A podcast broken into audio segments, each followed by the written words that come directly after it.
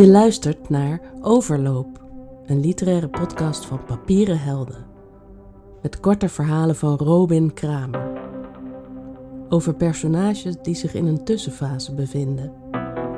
Niet helemaal meer hier, nog niet helemaal daar. De verhalen spelen zich af op overlopen, vliegvelden, hotelkamers en andere tussenzones. De podcast werd mede mogelijk gemaakt door het Nederlands Letterenfonds.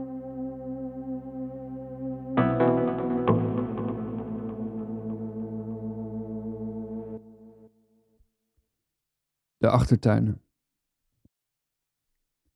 Ik zit al een poosje in het donker.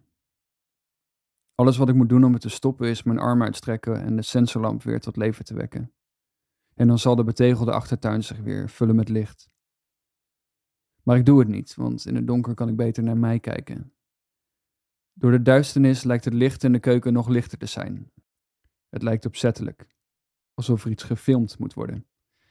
De haperende bewegingen die mij maakt worden gladgestreken. Ze wurmt dozen in een vuilniszak, haalt een doekje over het aanrecht en neemt een grote slok uit een wijnglas.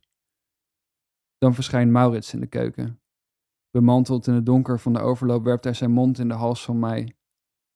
Hij slaat zijn arm om haar middel en wat er dan gebeurt weet ik niet zo goed. Het vogelhuisje, de plastic stoelen, het schommelende peertje in de lege schuur.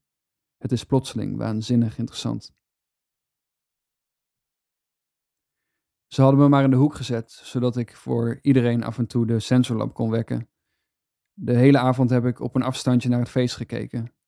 Mensen aan staattafels van opgestapelde bierkratten. Langwerpige schimmen knabbelend aan zoute sticks, lurkend aan pijpjes bier. De gesprekken inwisselbaar, leeg. De woorden niet veel waardevoller dan de lucht waarop ze naar buiten worden gedragen. Nee, ik moet niet zwartgallig doen. Gisteren heb ik mijn voet gebroken. De dokter had wel gezegd om welk bot het precies ging, maar ik ben het alweer vergeten. Het was een, een woord met meerdere woorden erin. Ik was mij aan het helpen met het inpakken van de boekenkast toen een van de zwaarste exemplaren, de Bijbelconcordantie die Maurits bij zijn beleidenis van de wijkouderling had gekregen, uit mijn handen was geglipt. Eerst had ik niet zo goed door wat er aan de hand was. Misschien omdat ik al sinds elf uur die ochtend aan het drinken was. Maar mij zei dat we direct naar het ziekenhuis moesten. En ik luister graag naar mij. In het ziekenhuis werden foto's gemaakt. De laborante dacht heel even dat mij mijn vriendin was. Oh nee, zei mij, we zijn gewoon vrienden. En de laborante liet zien waar de breuken zaten. We waren onafscheidelijk geweest. En toen wat minder onafscheidelijk en nu, laten we eerlijk zijn, in principe afscheidelijk. Maar het was mij en Maurits en ik toen, al die jaren geleden, de verdrietige drie, de trifecta tristessa, de volwassenheid voor ons uitschuivend als een bord waar we na een paar happen alweer genoeg van hadden gehad. We woonden in dat studentenhuis in de provinciestad, waar zodra het ook maar een beetje begon te regenen, het rioolwater in transparante grijze stalactieten van de muren begon te druipen. Zodat we met sjaals om onze monden de avonden door moesten brengen om de stank te stelpen. Ze alleen naar beneden schuivend voor een slok wodka. De gaskachels gingen alleen aan als je de achterste knop met je voet indrukte en een aanstekervlammetje voor de ontstekingsopening hield. Koken deden we met onze winterjassen aan. Zomers liepen we in ons ondergoed over de gang. Maurits werkte in de weekenden bij een Grieks restaurant in de binnenstad en als hij ochtends zijn overhemd moest ontkreukelen, trok hij eerst het overhemd aan en begon dan zijn borstkast te strijken.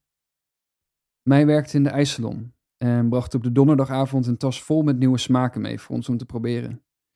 Het was niet de best of times, niet de worst of times, niet de best of times en de worst of times tegelijkertijd. Het waren gewoon de times.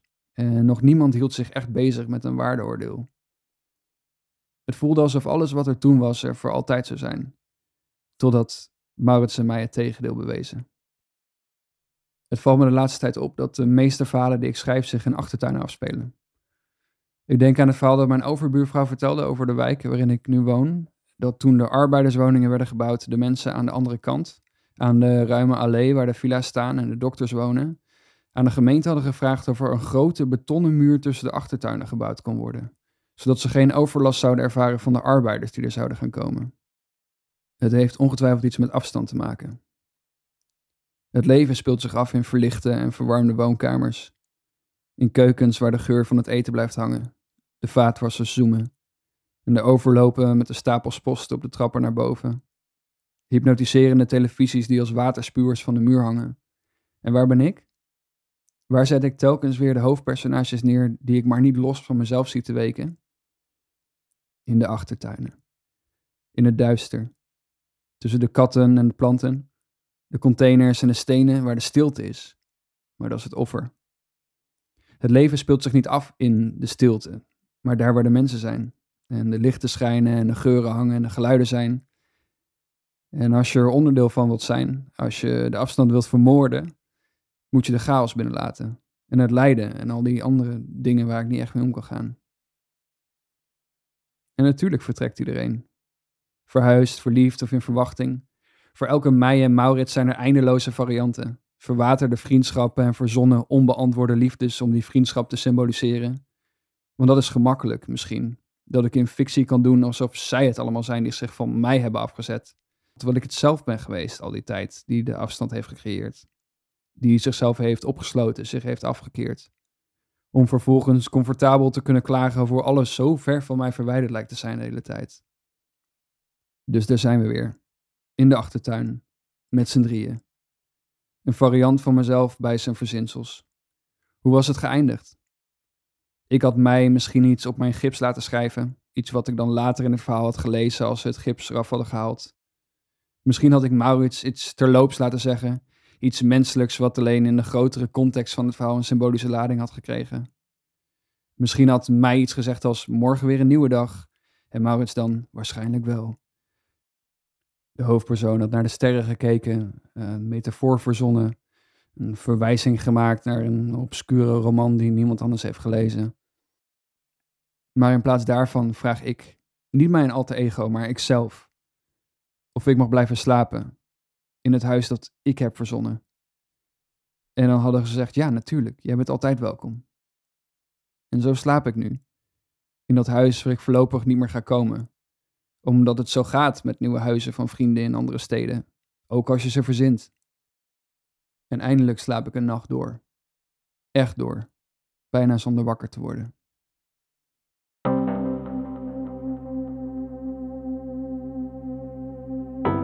Je luisterde naar Overloop.